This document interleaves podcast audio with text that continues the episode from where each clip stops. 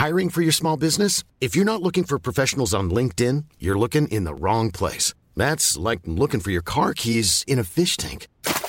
LinkedIn helps you hire professionals you can't find anywhere else, even those who aren't actively searching for a new job but might be open to the perfect role. In a given month, over 70% of LinkedIn users don't even visit other leading job sites. So start looking in the right place. With LinkedIn, you can hire professionals like a professional. Post your free job on linkedin.com slash people today. Hey, I'm Ryan Reynolds. Recently, I asked Mint Mobile's legal team if big wireless companies are allowed to raise prices due to inflation. They said yes. And then when I asked if raising prices technically violates those onerous two-year contracts, they said, what the f*** are you talking about, you insane Hollywood ass?" So to recap, we're cutting the price of Mint Unlimited from $30 a month to just $15 a month. Give it a try at mintmobile.com slash switch. $45 upfront for three months plus taxes and fees. Promo rate for new customers for limited time. Unlimited more than 40 gigabytes per month. Slows. Full terms at mintmobile.com. Hey there, it's Michelle Norris. I'm host of a podcast called Your Mama's Kitchen. When I travel, I'm usually looking for a way to find a taste of home when I'm not at home. And one of the things I love to do when I am at home is entertain. And Airbnb allows me to do that. When I was in California recently, I rented a house that had a great kitchen. And when we were sitting around the table, we were all thinking, we're in someone else's house. Someone could be in all of our homes as well. If you have a home, but you're not always at home, you have an Airbnb. Your home might be worth more than you think. Find out how much at airbnb.com/slash host.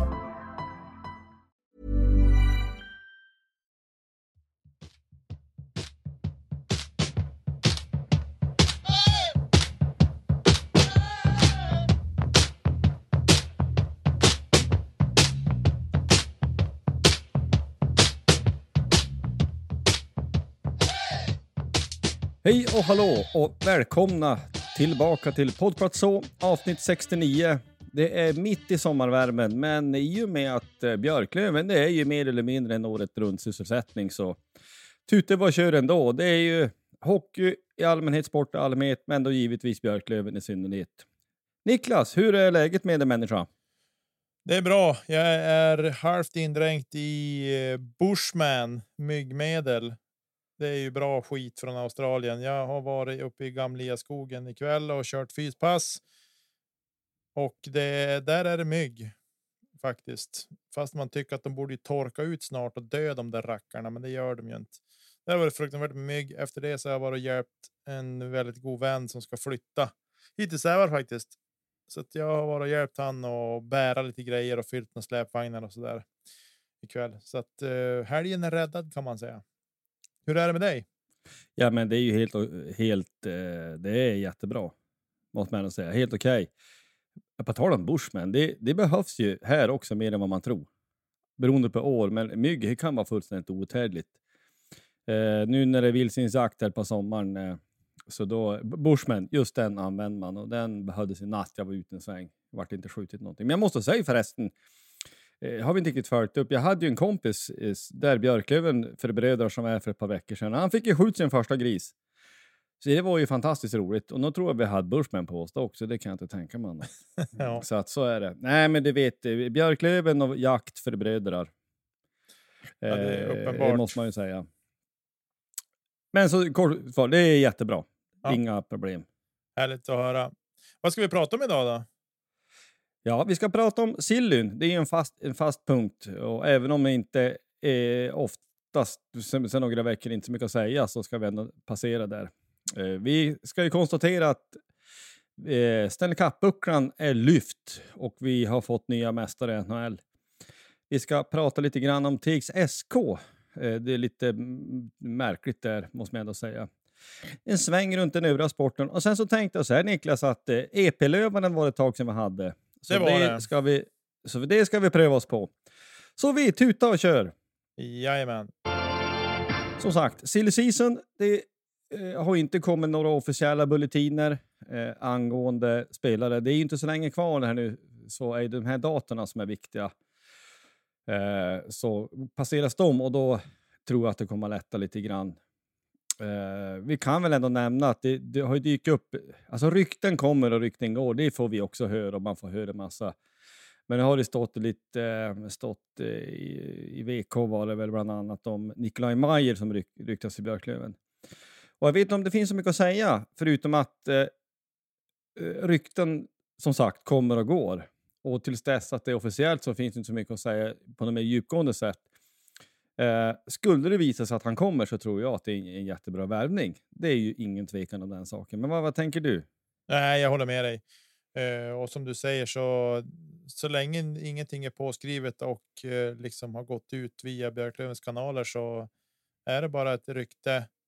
Kan finnas substans i det eller ej, men eh, nej, ingenting är klart. En grymt bra spelare på hockeyallsvensk nivå. Det har vi fått bevittna tyvärr som motståndare mot honom. Så att, eh, men eh, tills, tills det är påskrivet och klart så är det ett rykte som sagt var.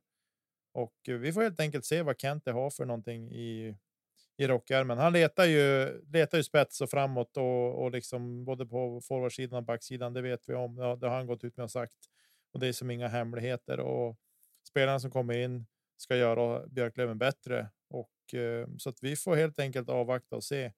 Och vi fick ju. Vi pratade för en avsnitt sen om när vi fick in eh, Schilke och Poli i fjol bland annat. Eh, och det var ju mitten på juli till och med innan det släpptes fick vi till oss av en lyssnare. Eh, så att det är klart att det är på så vis så känner man ja, men då är det gott om tid kvar. Vi är ju bara mitten på juni än så länge. Precis så är det ju. Ja, men det går ju inte nog. Vi har tjatat det så många, men det går inte nog att påpeka att de här skitdatumen som finns för övergången mellan Hockeyallsvenskan och SHL. Och det, vi ska också vara så pass ärliga, det är ju om vi vänder oss 180 grader om så är det samma sak gentemot division 1 eh, från Hockeyallsvenskans sida. Det är ju lite grann det som är, eh, det måste vi avvakta. För varje dag som går är det ju återigen då positivt att eh, vi inte har tappat någon spelare. Så eh, utan att jinxa någonsin så ser det väl hyfsat, hyfsat positivt ut att vi ändå kan få behålla våra spelare. No jinx, men eh, ja, eh, Nikolaj Mayer, han fyllt 30 här om en månad. Han är ju dansk. Han Fitte Bill, alltså han är ju 1,79, 82 kilo, står han listad som. Um, poängspelare som har gjort det väldigt bra i Hockeyallsvenskan förut. Han har en titel också i österrikiska ligan blir det väl i Salzburg. Så att då, ja, det är, vi får ta, blir han officiell, då får vi grotta ner oss mm, ner i honom mer. Men vi kan väl säga så här också att det är ju är det, 99 dagar kvar till seriepremiär. Det känns ju bra ändå. Bara tre månader kvar, helt overkligt. Får också jaga älg. Det är ju ja, det är perfekt, så det går inte att tala om. Eh, och vi nåddes också av ett årskort den släpp. Jag såg att de hade höjt priset lite på dem. Ja. Eh, det är väl ingenting att säga om. Det är, eh, Nej. Det är inflation. Det är inflation och det är ju Björklöven är bara hyresgäster i, i eh, Vimpos. Ska vi också veta och det kan ju hända att det kommer någon hyreskorrigering och så där. Strömmen är dyr. All, alltså, ing, inget konstigt. Sen kan man väl tycka att ja, men det kanske var lite väl saftig höjning som kom. Eh, 20 procent någonting. Ja, var... precis. Och det kan jag väl hålla med om att det är en, det är en ganska rejäl höjning. Eh, och eh, men. Jag tänker att. Det, det är inget konstigt egentligen. Tittar man på alla andra priser som har gått upp i, ja, men i samhället i stort så äh, jag säger inte att det är något, det är nog inga konstigheter så alls faktiskt. Men eh, man förstår ju att de som kanske sparar och sparar och sparar för att köpa sitt säsongskort och så kommer den här smällen att det blev ändå lite dyrare. Det är klart att det är kanske inte superpositivt då, men. Eh. Pengarna kommer ju att behöva använda, kommer ju behöva in till Björklöven och, och användas till olika. Det är löner som ska betalas och annat så där så att. Det är väl inga inget konstigt egentligen. Nej, nej, men det är det ju inte. Men vi kan ju också bara för eh, vi kan ju bara för för ors skull titta på. Djurgården har också så här släppt sina eh, årskort. De har ju lite olika eh, varianter där, men eh, ska du ha de bästa platserna på, på bästa platserna på långsidan så är det nästan 8000. Mm. Eh, bra platser men inte fullt lika bra, det är drygt 6602. Så att tittar man på, eh, liksom tittar man på de eh, priser som vi har så är vi inte dyrast. Och någonstans så måste man ju räkna liksom företagsmässigt alltid eh, på sånt här ju. I och med att eh, eh, man kan väl säga så här att är det utsålt och utsålt snabbt, då kan man ju ta mer betalt. Mm. Sen så handlar det väl inte enbart om att du ska liksom suga sista kronan ur biljetter enbart, utan att det är någonting värt att få in folk i arenan. Eh, givetvis. Men det är väl så här, eh, du, man kan väl nästan generellt säga att om du har inifrån utsålt varje match, då ligger du ganska bra till Mm. Liksom i, i priser. Har du aldrig slutsålt för att, det, är för- eh, för att det är för dyrt, då är det ju för dyrt. Men har du slutsålt på en kvart, efter en kvart varenda match, det innebär ju att du eh, är för billig. Ja, precis. Ja, men jag kan säga så här. Vi har en spelare i laget som har, säsong, som har säsongskort långsida på övre etage här i Vimpos Ja, och jag fick höra att det är 8000 ja. för en sån biljett. Så att jag och det är ju ganska mitt på plan också. Det är de här sektionerna som är mellan blå linjerna typ. Eh, så att det är inget konstigt så. Nej, men det är lite grann så. Sen för min egen del, så det blir på ett annat sätt när man eh, ser i princip alla matcher på bortaplan. Där har det ju nu under flera år varit en hundring eller någonstans där kring eh, borta stå. Det är ju ytterst sällan den är full dessutom. Eh, så att det är alldeles svårt att få tag i biljetter och då är det ju Eh, alltså det är ju inte inkomster från borta supportrar som en klubb lever på, givetvis, för de är ofta så få. Så där är det väl också, eh, ja, men få det in folk i arenan, och det gäller väl också generellt, ja, men då kanske de köper en korv, eller de köper en kaffe, kaffemasserin som vissa gör första paus jämt. Och sådana saker. Nej, men det här kan man diskutera mer, prissättning och så.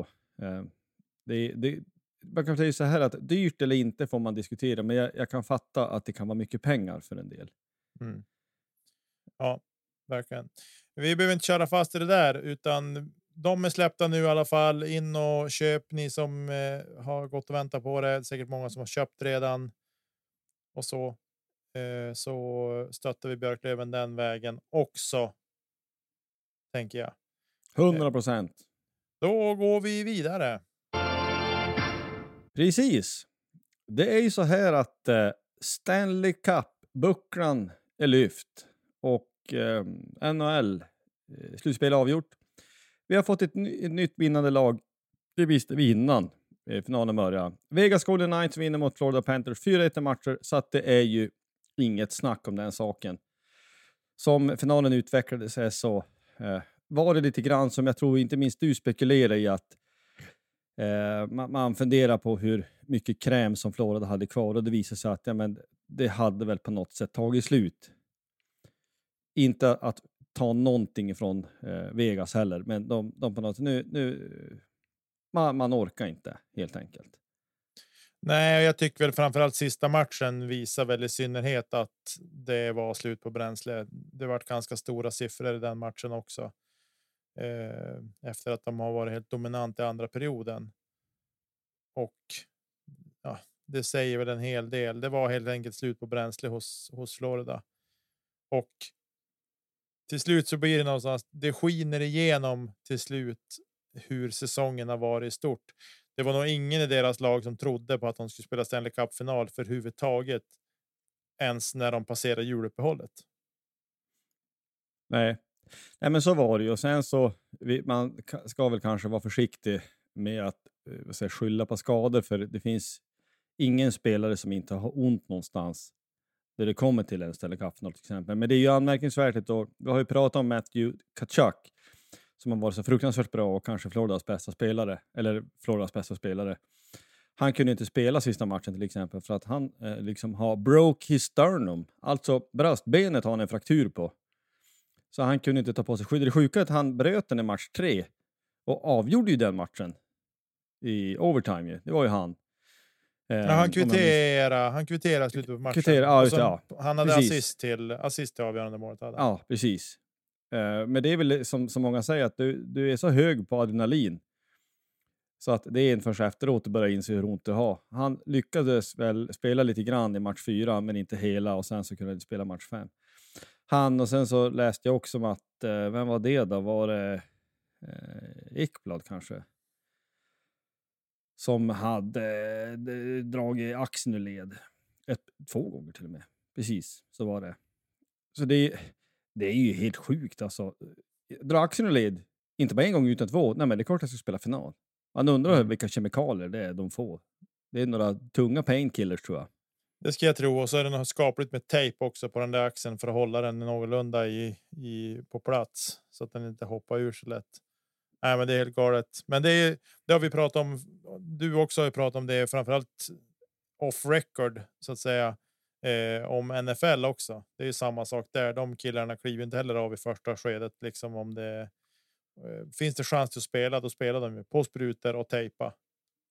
Ja, men vi tar väl den här eh, Joe Staley, klassiska gamla left tackle i San Francisco. Han eh, klev ju av en match och eh, där har man ju, det har de säkert i varenda NHL-arena också, men i, i varje NFL-arena håller med röntgenutrustning. Så alla kan ju röntga sig på plats. Eh, och eh, de såg inte så mycket från början, utan han, han hade ju skitont. Men, liksom, men tejpa, dra åt allt ni kan. Så han körde ju motsvarande några spel till, eller några byten till kan man säga. Men sen så bröt han i skenbenet, alltså det gick av. Ja, då klev han ja. Men, eh, men det, är, det är på något sätt Eh, helt sanslöst hur, hur mycket man vill spela. Och det säger sig självt att de vet, ja men Ekblad och alla, Kachaka allihopa, att ja, men du kanske får, att ens spela en final är det långt ifrån alla bra spelare som får. Så att man vill ju verkligen försöka ta chansen när man får den. Nej men det är bara att gratulera Vegas. Och det, man är väl inte mer människa att man tänker att det är, det är plast och det är yta och det är show. Och det finns ju ingen stad i världen som är så mycket så som vad Las Vegas är. Men samtidigt är det, det är världens bästa klubblag. Och det kan ingen ta ifrån dem. De har vunnit det största du kan vinna som hockeyspelare och lyftande bucklan. Och det, det är ju ruskigt stort. Och det är ju, eh, Jonathan Marcy Show fick ju Art Ross som eh, slutspelets mest värdefulla. Han är ju en av original Las Vegas-spelarna och det är ju i sammanhanget inte särskilt mycket på ett sätt. Då. Nej, men, eh, spelarna i Las Vegas rår ju inte för det. På det sättet att man kan tycka att det skulle kunna vara roligare om det var en mer klassisk klubb. Och jag skulle såklart bli så lycklig om Montreal vann de fler gånger under sin livstid, eller ens livstid. Men det är bara att gratulera dem. Det är ruskigt stort och det är ruskigt bra gjort. Och det är ju inget snack. Och man måste också säga till klubben att man har lyckats. För det kan man ju säga, det är många som har funnits i många, många, många år och inte har lyckats alls. Och de här har lyckats på några få år. Man kan säga att de hade goda förutsättningar i och med att de fick plocka spelare från andra och tredje linjer från andra lag. Ja, men det spelar ingen roll. Man har gjort det jättebra, så det är bara att lyfta på hatten. Mm. Eller, eller vad säger du? Nej, jag håller med dig. Jag håller med dig och det, de har liksom fått ut. De har fått ihop laget och fått ut liksom maxkapacitet utav dem.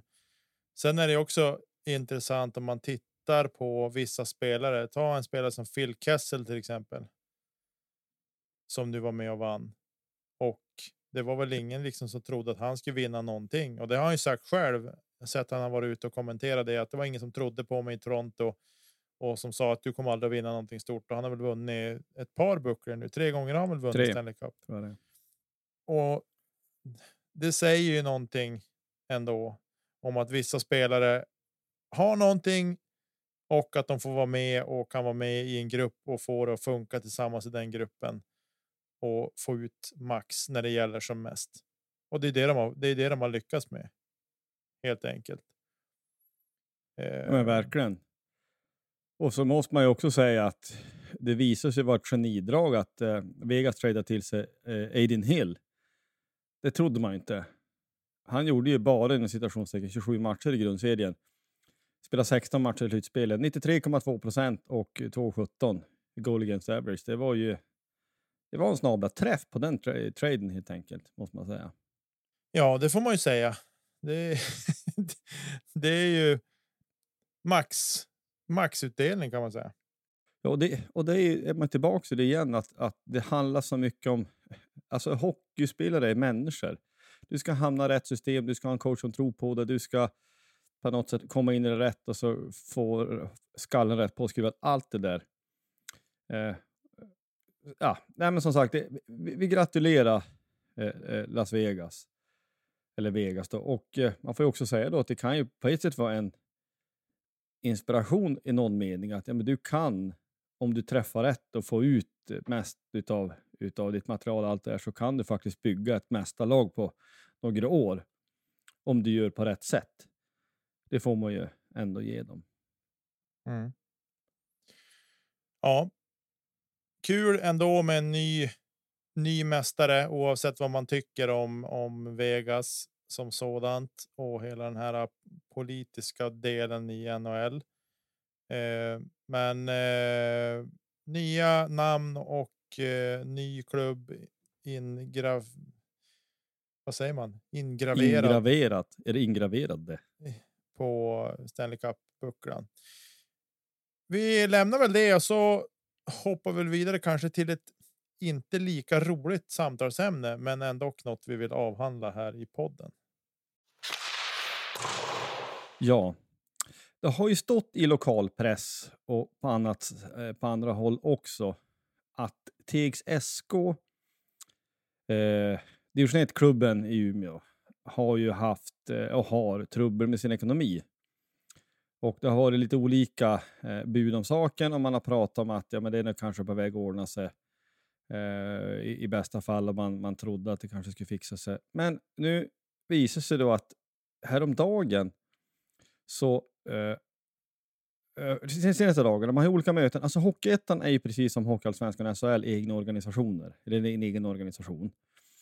Så att Hockeyettan hade årsmöte för en vecka sedan ungefär om jag förstått det här rätt. Och sen igår, i, ja, eller på onsdagen, eh, i onsdags helt enkelt, så ställer man fast eh, spelordningen. Man fastställde det. På de här mötena var inte någon representant för TIGS SK med. Varken årsmötet eller spelordningen, vilket är ju i sig själv för det första helt anmärkningsvärt. Sen visade det sig att det finns många som har försökt att få tag i representanter från klubben och inte lyckats. Och då tänker man sig, men hur är det här möjligt ens? Alltså vad är det frågan om? Ja, det är väldigt märkligt. Otroligt märkligt och att andra klubbar också försökt få tag i dem för att få till det med träningsmatcher och annat och inte lyckats. Det är ju supermärkligt att det inte finns någon kontaktperson för överhuvudtaget att få tag i. Det är otroligt märkligt. Ja, nej, men det är ju. Jag tolkar det inte som annat att det är med vilje. Det är ju inte så här att att precis alla i hela TIGs SKs hockeysektion helt plötsligt har slut på batteri på sina telefoner. Och deras wifi ligger nere så att de kan inte svara på mejl. Alltså det är ju det, det är någon slags koordinerad historia på, på ett eller annat sätt. Sen ska vi direkt säga att vi tänker alltid människa först, ledare eller spelare sen. Men det här känns ju inte alls bra. Eh, och man måste också tänka så här att som jag har förstått det här så är Vännäs nästa lag i pipen. Alltså skulle Teg dra sig ur eller i värsta fall begära sig själv i konkurs så är det Vännäs som ska ta deras plats i så fall. Eh, det är ju inte särskilt roligt att heta Vännäs HC heller. Ja, men hur ska de från mitten av juni bygga ett division 1-lag jämfört med ett division 2-lag? Det är ju väldigt otacksamt. Alltså, vore det, förstår man rätt nu, först, vore det bara Teg det här gällde så vore det en sak. Det är nog trist med alla spelare det gäller och alla människor som brinner för den klubben. Men nu, det är också sådana synergieffekter. Ja, men det är ju en massa andra lag eh, som, som det här också gäller. Så att det är ju lite oansvarigt eh, gentemot de nio andra lag som spelar samma serie. Att man inte får veta vad som gäller. Ja, men ska vi spela borta matcher i Umeå eller blir någon annanstans? Nu kanske det inte är så stor skillnad på Umeå eller Vännäs, men i alla fall. Poängen kvarstår. Mm. Ja, jag tycker att det är jätte, jättekonstigt, ska jag säga. Ja, det är märkligt och att det, det liksom duckas undan och att man väljer. Jag tycker att alltså någonstans blir det så här. Det här är ju ett disciplinärende. Att inte ja. någon går att få tag i. Och det tycker jag är skäl till att det ska bli ett disciplin, disciplinärende utav det.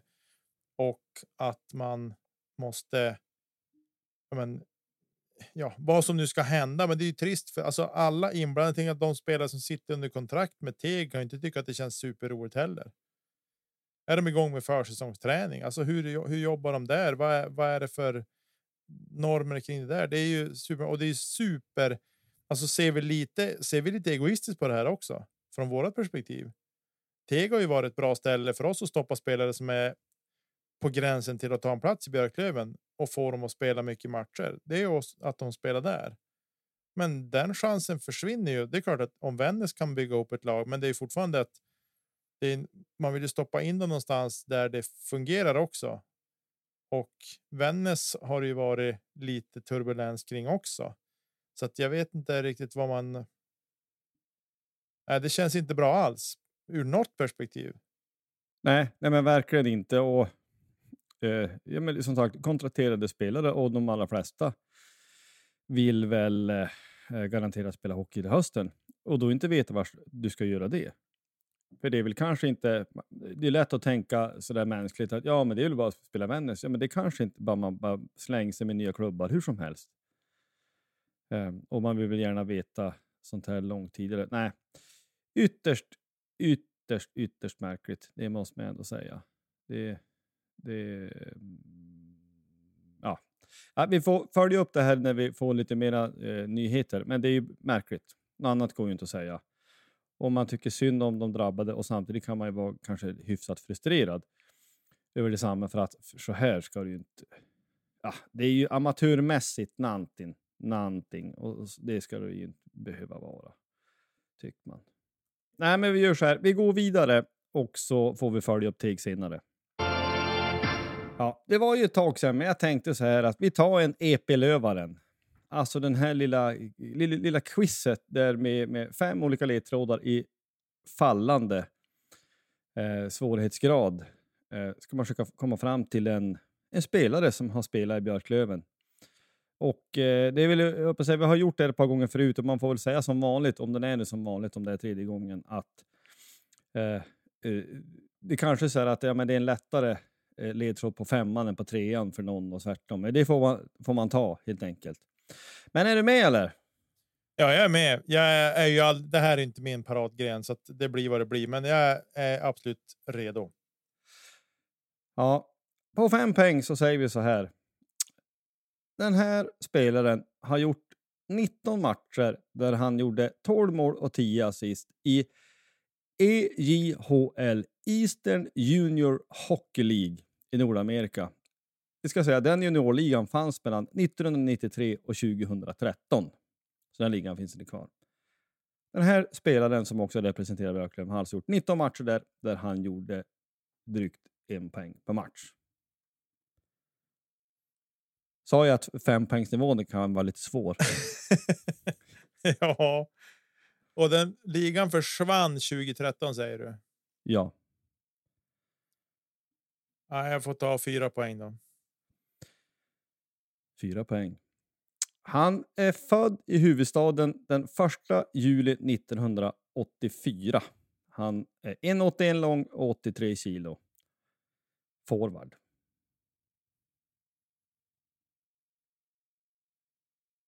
Huvudstaden?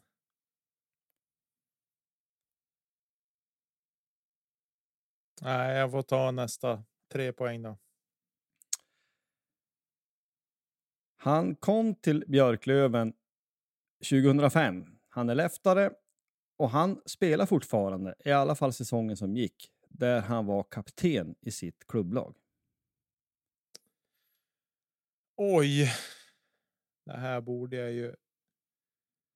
Borde jag ju ta nu känner jag. Men 2005. Jag hade ju en downperiod där med Björklöven. Nej, jag tar nästa två poäng. Ja, två poäng. Han spelade 39 matcher den här säsongen. Han gjorde 7 plus 7 i det som skulle bli hans enda säsong i Björklöven. Han spelade VM samma år. Oj. Alltså han spelade VM 06 alltså. VM 06 och född 84. Han var alltså 22 år gammal då.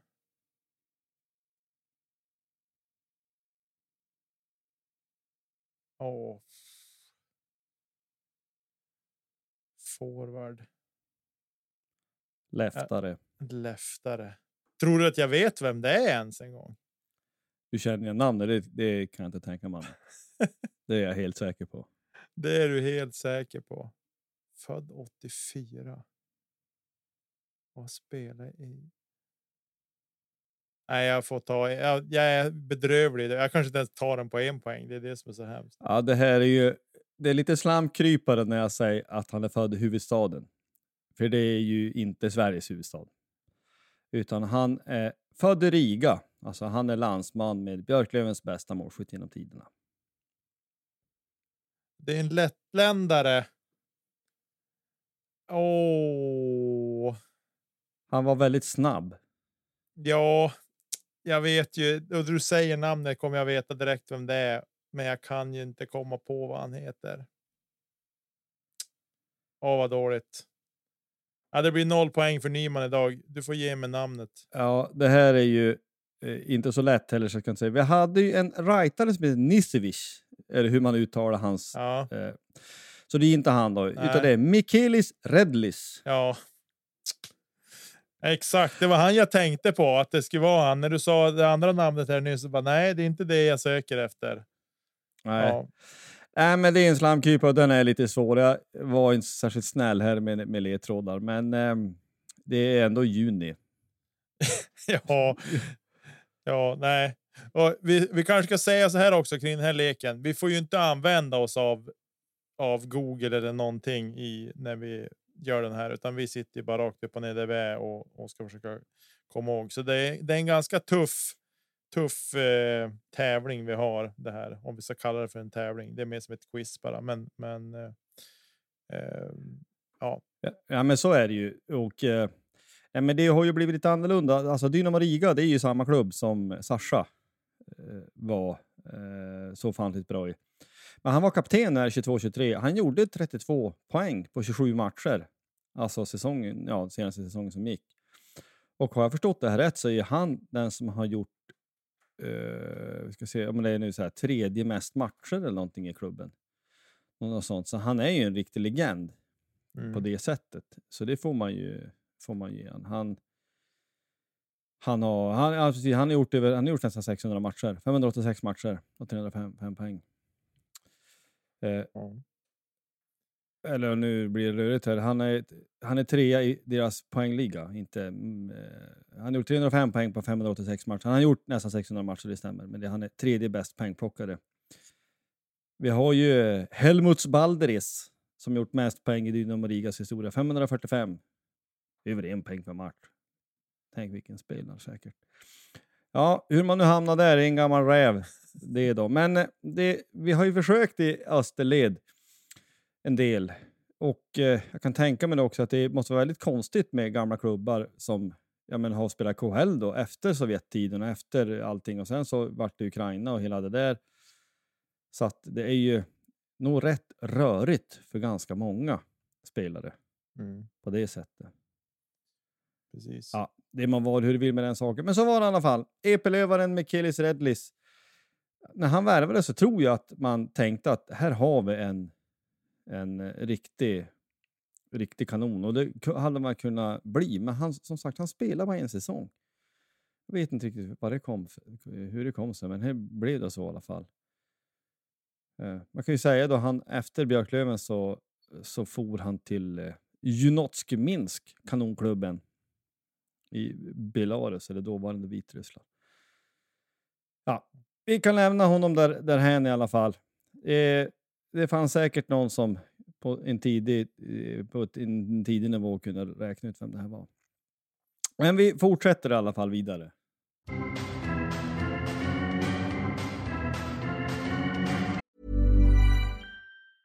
Cool fact a crocodile can't stick out its tongue. Also, you can get health insurance for a month or just under a year in some states. United Healthcare short term insurance plans, underwritten by Golden Rule Insurance Company, offer flexible, budget friendly coverage for you. Learn more at uh1.com. Many of us have those stubborn pounds that seem impossible to lose, no matter how good we eat or how hard we work out. My solution is PlushCare. PlushCare is a leading telehealth provider with doctors who are there for you day and night to partner with you in your weight loss journey. They can prescribe FDA-approved weight loss medications like Wagovi and Zepbound for those who qualify.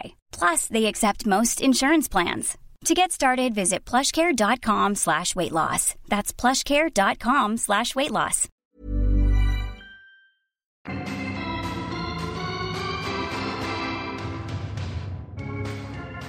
Lite övrig sport. Degerfors har... Eh, nu är man ju någon slags sommaruppehåll, så det är ett par veckor till innan nästa match är. Men den sista matchen innan det uppehållet så spelar man borta mot Kalmar. Och efter en kvart så står det 0-2, så man tänkte att jaha, nu är det samma visa igen, en 0-5-0-6 där någonstans och så tröstmål. Men man lyckas ju sprattla till och man gör 1-2 innan paus och sen så tycker jag att eh, Degerfors gör, det gör i stort, gör ju de den bästa bortamatchen på säsongen. Men ganska surt för det blir ändå noll peng. Man hade ju häng på ett, ett kryss minst och man bränner ju ett par superlägen. Men det är ju som mycket annat man kan tänka i Hockeyallsvenskan eller vilken andra liga som helst i världen, att du är där du är i näringskedjan. Eh, Fotbollsallsvenskan rankas ju som mellan 20 och 25, 20 och 25 ligan i Europa. Och då är det ju inte så lätt. Du, får, du har de forwards som är tillräckligt bra och inte nog bra än något annat än fotbollsallsvenskan mellan 20 och 25 i Europa. Så då bränner du kanske lite lägen. Mm. Jo, det är så. Eh, eh, det är bara så. Men va, du, är det full säsong i, i eh, med discgolfens värld? Ja, det är det ju för all för all sin dag. Det är ju. Det är ju SM-veckan här i Umeå snart eh, som drar igång efter midsommar där. Då är det SM-veckan här i Umeå och då är det ju alla de möjliga sporter som som spelas. Eh, som kanske inte är så vanliga, men det brukar vara en folkfest det där och det är ju SVT styr ju det där med järnhand, vad som ska vara med och inte så. Men eh, det ska ju spelas lag SM i discgolf i Umeå på Mariehemsängarna. Dagarna tre, fredag till söndag där mot slutet på. På veckan och så sen är det frisbeeförbundet har allround SM uppe på Nydala ängarna också i samma veva. Så att det finns frisbeesport att kika på på lite olika håll runt i stan. Sen är det ju massa andra sporter också som som går av stapeln. Inne på torget kommer det vara massa olika arenor också, bland annat. Och sen kommer det ju vara. Eh, det ska köras rally också i stan igen. Det är ju lite eh, sådana saker så, där. så det blir en välfylld sport och sen pågår det ju. Det är ju Europatorer, två stycken som är igång som tuffar på i helgen och så sen är det ju även discgolf i USA så det, det är mycket sport att välja på i helgen. Eh, vi kan väl nämna också för de som följer basketen att Denver Nuggets har tagit hem mästerskapet i NBA. Ja, men det är ju kul. Eh, vi kan vad hette... Eh, eh, bara backa tillbaka till alltså eh, discgolfen, är den så att säga enig? Alltså att det finns liksom en, en internationell, vad säger, global organisation så att man har inte liksom flera torer som konkurrerar med varandra, utan de bästa spelar i USA-touren och sen så har du Europatouren som är de som inte är fullt lika bra och så har du Sverige-touren. Eller är det är det med? Alltså om vi jämför gå tillbaka så hade, man hade ju VHA way back, World Hockey Association. Mm. Som sen de bästa lagen slöt sig till NHL, men du hade flera konkurrerande ligor, till exempel där då. Ja, men man kan väl säga lite grann så här att du har ju DGPT, alltså Disc Golf Pro Tour. Den är i USA och den sträcker sig från februari till oktober tror jag det är. Inte senare än oktober i alla fall, men februari till oktober kan man säga att den pågår. Och sen har vi ju här i Europa så har vi European Pro Tour som är en Tour och sen har vi Eurotour också som en annan. Eh, och European Pro Tour, det är ju som ett, det är ett initiativ från Finland ursprungligen. Där de vill skapa en riktig proffstour här i Europa. Och sen har du Eurotour som styrs som eh, PDGA som är liksom, alltså. Det är ju spelarorganisationen kan man säga för discgolfen. Som roddar i den touren. Och sen, ja, det bryts ju ner. Här i Sverige så har vi ju dels har vi nationella touren som är fyra deltävlingar som kommer från Svenska Discgolfförbundet. Sen har vi Svenska Discgolf Pro Tour. Eh, eller Swedish Discgolf Pro Tour heter den ju. Som kommer från en privat aktör, men som har ett gäng tävlingar. Och vissa av de deltävlingar ingår i Eurotour också. Så det är lite så här. Ja, det, det mixas och matchas ihop en del. Så vissa, vissa deltävlingar är ju en del av en större tour också kan man säga. Både en lo lokalt här i Sverige och även då en Europatour till exempel. Nivåmässigt så är ju de bästa spelarna i USA, för det är där de största pengarna också finns. Eh. Så man kan säga så här, det, det finns en, en säger, naturlig urskiljning. De bästa spelar med de bästa därför att det är där de bästa pengarna finns och sen så är det liksom i fallande ordning bara. Ja, lite så kan man säga. Grovt förenklat kan man säga att det är så. Ja. Eh, men det är ju. USA är ju stort. Det hjälps ju inte. Det kostar ganska mycket pengar att spela en tävling där också. Det kan ju kosta 2 500 i spelaravgift för att delta i en tävling. Och det är klart att är du inte med och slåss om prispengarna, då det 2 500 och plus resa dit och ja, men alla måltider. Sen är ju spelare sponsrade också. Eh, men eh, det är ju inte billigt att, att tävla på den touren om man vill tävla allt om du inte har sponsorer. Ja, men om man tänker i Sverige då finns det. Eh, alltså, är det, om du vinner en backläsk och en korvring när du vinner en. Nej, det är väl här det, det är väl här det är lite. Alltså så här, PDGA styr ju mycket med sitt reglemente. Om du ska ha en tävling sanktionerad av PDGA, det vill säga att du får en det man kallar för en rating, en PDGA rating och det är något som alla spelare får. Eh, och ju högre rating du har, desto bättre spelare är du. Kan man grovt förenklat säga. Ratingsystemet är superkrångligt. Jag har inte alls jättebra koll på det. Jag vet på mm. ungefär hur det funkar, men, men det är för krångligt att sätta sig in i. Och eh, men i det reglementet så finns det något som styr hur mycket av anmälningsavgiften ska gå tillbaks till prispengar. Just det. Så att och det gör ju att i sin tur, då, men ta som Svenska discgolfförbundets tävlingar där jag är engagerad i. Vi kan inte ha så stora prispotter i och med att vi är dels är vi ett förbund. Vi kan absolut höja spelaravgiften, men vi vill liksom ha spelarna att komma och spela också. Så det blir som en balansgång där. Men vi har ju inga sponsorer som styr in extra pengar och det är det som skiljer oss från kanske de större tävlingarna eller de andra torerna. Att där kan de ha det de kallar för added pro purse, alltså en adderad plånbok med mera pengar in till prispotten. Mm. Eh, och det gör att sådana tävlingar lockar ju mer helt enkelt grovt sagt. Och i, i, USA så är det ju. Där kan det ju vara någon. Det kan vara en bank till exempel som kliver in och sponsrar hela tävlingen och då styr, kan de ju styra in ja, men 10 000 dollar till exempel i varje klass i, i mixed-klassen och i, i damklassen till exempel. Och det är klart att då, då blir det ju fort mycket mer pengar i prispotten.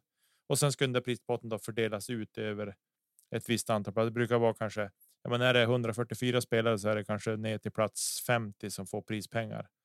Sen efter mm. det så är du utanför tilldelningen av pengar. Då. Men vad ser du framöver då?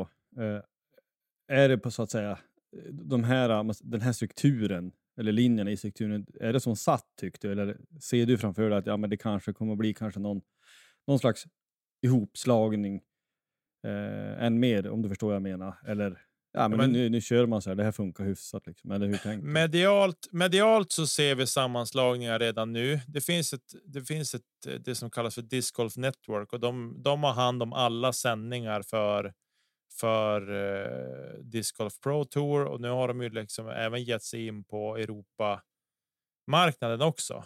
Att de har kamerateam här som som livesänder och, och hela den biten. Backa typ tre år. Då var jag totalt ointresserad av att sitta och se en livesändning för det var så dålig kvalitet. Dels på sändningen, men även dålig kvalitet på hela produktionen. Liksom, om du fick följa med när kameran filmar rätt ner i backen för att kameragubben skulle flytta på sig. Eh, allt sånt är ju borta idag. Det finns ju inte längre. Eh, utan nu idag är det ju professionella sändningar. Alltså det är riktigt bra sändningar och nu är jag totalt ointresserad av att se post postproducerad discgolf ihopklippt Men med kommentatorspår, det är inte lika intressant för mig längre om det inte är någon tävling där det har hänt någonting som man verkligen vill se. Men. Eh, discgolfen har ju överlevt pandemibubblan. Till skillnad mot padden till exempel. Och Ja. discgolfen fortsätter att växa också. Eh, mycket tack vare att den är lättillgänglig och inte så dyr att börja med heller. Så. Ja, men det är väl eh, så. Och sen då har vi, eh, alltså en sån som jag tänker, som jag, jag har ju bara spelat några gånger. Alltså att man, man skulle, om man verkligen skulle ge sig den, på att ja, men nu ska jag spela regelbundet, eh, någon eller flera gånger i veckan en sommar, så skulle man ju förmodligen märka ganska snabbt att man blir bättre. Eh, så att kurvan blir ganska brant. Sen så kommer man ju säkert, givetvis som med allt annat, att det planar ut. Men alltså det är en ganska tacksam sport. Har du aldrig hållit på med det så är det väl, gissa i alla fall, en tacksam sport om du har hyfsat normalt bollsinne, eller vad man ska säga, spelkänsla, att du kan, ja men du, du känner att du utvecklas och det blir roligt liksom. Ja, så är det ju. Alltså, det går ganska fort. Eh, ska jag säga för de allra flesta. Det, det där är helt olika för alla människor är det olika. Men det vanliga är att det går väldigt fort att lära sig att kasta hyfsat. Så att man liksom, ja, men nu kan jag börja tävla, att man kan komma på den nivån. Men sen planar det ut och sen det här äh, med att ja, men du ska bli bättre på att kasta längre och du ska bli bättre på att putta. Du ska bli bättre på ja, men allt möjligt. Eh, då är det ju träningstimmar som ska in och det är ju. Mycket tid man får lägga på det, för det, det, är, det är en tekniksport. Det är som man kan tycka, ja, men hur svårt är det att stöta kula? Ja, det spelar inte roll att du tar 250 kilo i marklyft eller kan bänka 150 kilo. Det hjälper inte dig om du inte har tekniken för att stöta kula. Och det är samma sak i discgolfen också. Eh, du kan ha fördelar av att du är lång till exempel och ha stort vingspann om man så säger. Det kan du ha nytta av. Men det är många spelare som är 1,65 lång på på touren som kastar gott och väl längre än många spelare som är lång också. Så att det där är, det är en tekniksport och det finns ett nörderi i det där också som man kan nörda ner sig i, vilket jag har gjort en del. Men det är ingenting vi ska prata om här. Nej. Eh, men, Nej, men det där är intressant. Men vi får väl, på tal om långa spelare. Alltså, Denver Nuggets, NBA-mästare. Eh, deras första titel, de har funnits sedan 1967 och har spelat i NBA sedan 1976. Så det är nya mästare där också, precis som i eh, NHL. Det är ruskigt roligt ändå. Alltså klubbar som har nött på länge.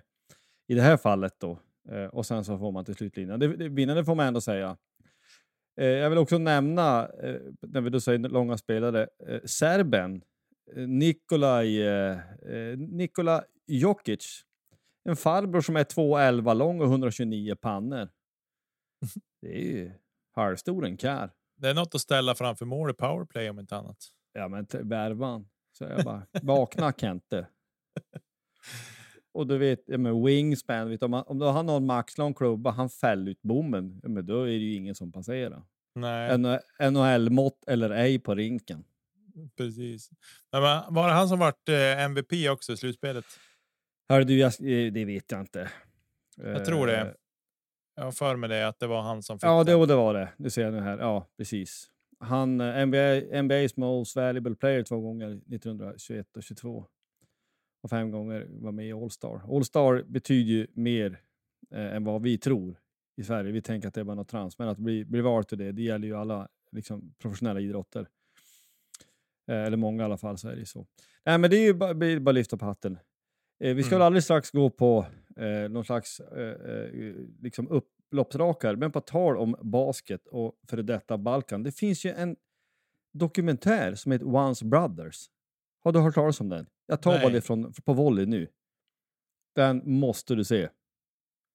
Alltså det handlar ju om eh, eh, på något vis det klassiska jugoslaviska landslag som fanns innan, eller helt enkelt Jugoslavien föll isär i, eh, i inbördeskrig och där man föll framförallt då en spelare eh, som heter Vladi Divac och sen så eh, nuddade man ju vid Drazen Petrovic. Han dog ju eh, i en trafikolycka. Så där. Nej, men det är fantastiskt intressant och hur, hur man menar sådär att ja, men när du knyter ihop det med liksom Dream Team, det första som var i Barcelona OS 92. Alltså det jugoslaviska landslaget de har kanske inte hade, hade haft en superstor chans, men det är det landslag som hade kunnat ge dem en match, för de var ju hur bra som helst. Och många, ut, många utav det landslaget gick ju till NBA och vart ju ordinarie där och var väldigt bra. Nej, men det är ganska intressant hur, hur man var once brothers och sen så var liksom den ene serb och den andra kroat till exempel. Och så vart man eh, eh eller ovänner, liksom. man hamnar i en väpnad konflikt som, som nationer. Ja, det kan vi väl, väl varmt rekommendera på tal om basket. Men vi knyter väl ihop det här lite grann, eller vad, vad säger du? Ja, jag tänkte att vi skulle fortsätta på basketspåret lite. Ja, kör. Eh, LeBron James. Eh, han har ju tagit alla tiders poängrekord i NBA här under säsongen som har varit. Det vart ingen titel för honom. Han har väl tre titlar tror jag sen tidigare, men har ju. Han har ju spelat i NBA i 20 år. Men förstår han är född 84 tror jag. Han är ett år yngre än mig. Men alltså, han hade ju snittat. Vad var det jag läste nu? Hade han snittat 24,5 poäng per match under sin karriär? Det är ju, det är ju. Alltså över så lång tid. Det är ju sinnessjukt. Ja, men alltså, han har inte spelat alla matcher. Alltså, han har ju haft skadefrånvaro. Inte kanske jättemycket, men ändå. Han har haft skadefrånvaro. Och att han har snittat mycket. Jag såg något klipp. Pojkarna satt och tittade på basket. De brukar sitta och titta på basket, mina söner ibland. Sådär. Mm. Och då vart det att en av dem satt och kikade på. Då hittade han åt en, en ihopklippt minidokumentär på Youtube om LeBron James. Och då satt vi och tittade på den där tillsammans. Och där var det. Där kom det upp att han hade snittat 24,5 poäng per match under sin, sina 20 år i NBA. Det är helt galet. Jo, och när han dessutom är bara rena lillpojken på 206 och 113 kilo. Precis. Äh, han är grym. Grym ja, spelare. Han har ju vunnit fyra gånger och sen så kanske man kan lämna, lämna det här att han verkar inte supersmart ibland, som jag ser i alla fall. Att man, eh, alltså direkt idrottsmän ska blanda in för mycket politik och då är det inte lätt att vara konsekvent. Eh, till exempel hur man, man, man, kan vara stor för någonting och sen så kanske, ja men Kina som är en av de värsta diktaturerna i världen. Ja, men de är en jätte, det är ju, basket är skitstort där och NBA sänds där och det är mycket pengar därifrån. Ja, men då kritiserar man inte det, till exempel. Då. Mm. Eh, för mig personligen så är det, ju ingen som rör Michael Jordan. Nej. Så, som världens bästa basketspelare genom tiderna och det är ju som den gubbgriniga tjuv jag är så är det inte så konstigt att man säger så. Men det är ju det är också lite annan tid. Det är lite andra regler också. Det är inte alla som tänkt på det eller vet det. Att man har ju ändrat det också lite grann eftersom. Och det är likadant med hockeyn. Mm. Hockeyn går snabbare nu, men det är också eh, lite grann alltså, andra regeltolkningar. Man har gjort eh, zonerna större eh, och allting sånt och hockeyskydden mindre på målmakter till exempel. Så att allting utvecklas ju i någon mening. Mm. Eh, för att knyta ihop den amerikanska sporten, Chicago White Sox tuffar väl på. Eh, de lyckas då vinna natt mot Los Angeles Dodgers, men det är ju, man har ju hängt på slutspel när det är mycket matcher kvar. Divisionssegrarna, eller divisionsvinnarna i alla ja, divisioner går till slutspel, så är det lite wildcard. Men det är, eh, det är lite som basket. Det var ju otroligt att Miami Heat gick till final nu, som var rankad åtta in i slutspelet. Annars, det, basket och baseball är lite lik varandra där. Att, eh, det, det, är ju en skräll att Florida gick till final, men det är inte en lika stor skräll i hockeyn skulle jag vilja säga, än vad det är till exempel då i baseball där alltså sist rankade laget vinner inte mästerskapet, det gör man inte. Törs jag säga, utan det är oftast de... Eh, alltså spelar du 162 matcher då, och är bäst, då är du bäst. Sen så ska du träffa rätt och det är små marginaler. Men eh, ja, jag tror eh, de lyssnare som vi fortfarande har kvar, de, eh, de fattar vad vi menar. Ja, Ja, nu knyter vi ihop det här eh, och säger stort tack för att ni lyssnar på oss så här långt. Om ni har lyssnat hela vägen hit. Det varit lite övrigt sport idag, lite olika segment där. Vi finns ju på sociala medier, Twitter, Facebook och Instagram där vi heter Poddplats H. Vi har även en mejladress om man vill mejla till oss. poddplatsh@gmail.com eller Gmail eller vad man hur man nu vill uttala det där. Det finns olika åsikter kring det där. Och eh, stort tack Josef för den här veckan. Och tack vi, själv. Vi hörs igen eh, nästa vecka tänker jag. Jajamän. Forza Löven. Hej då. Hey, hey.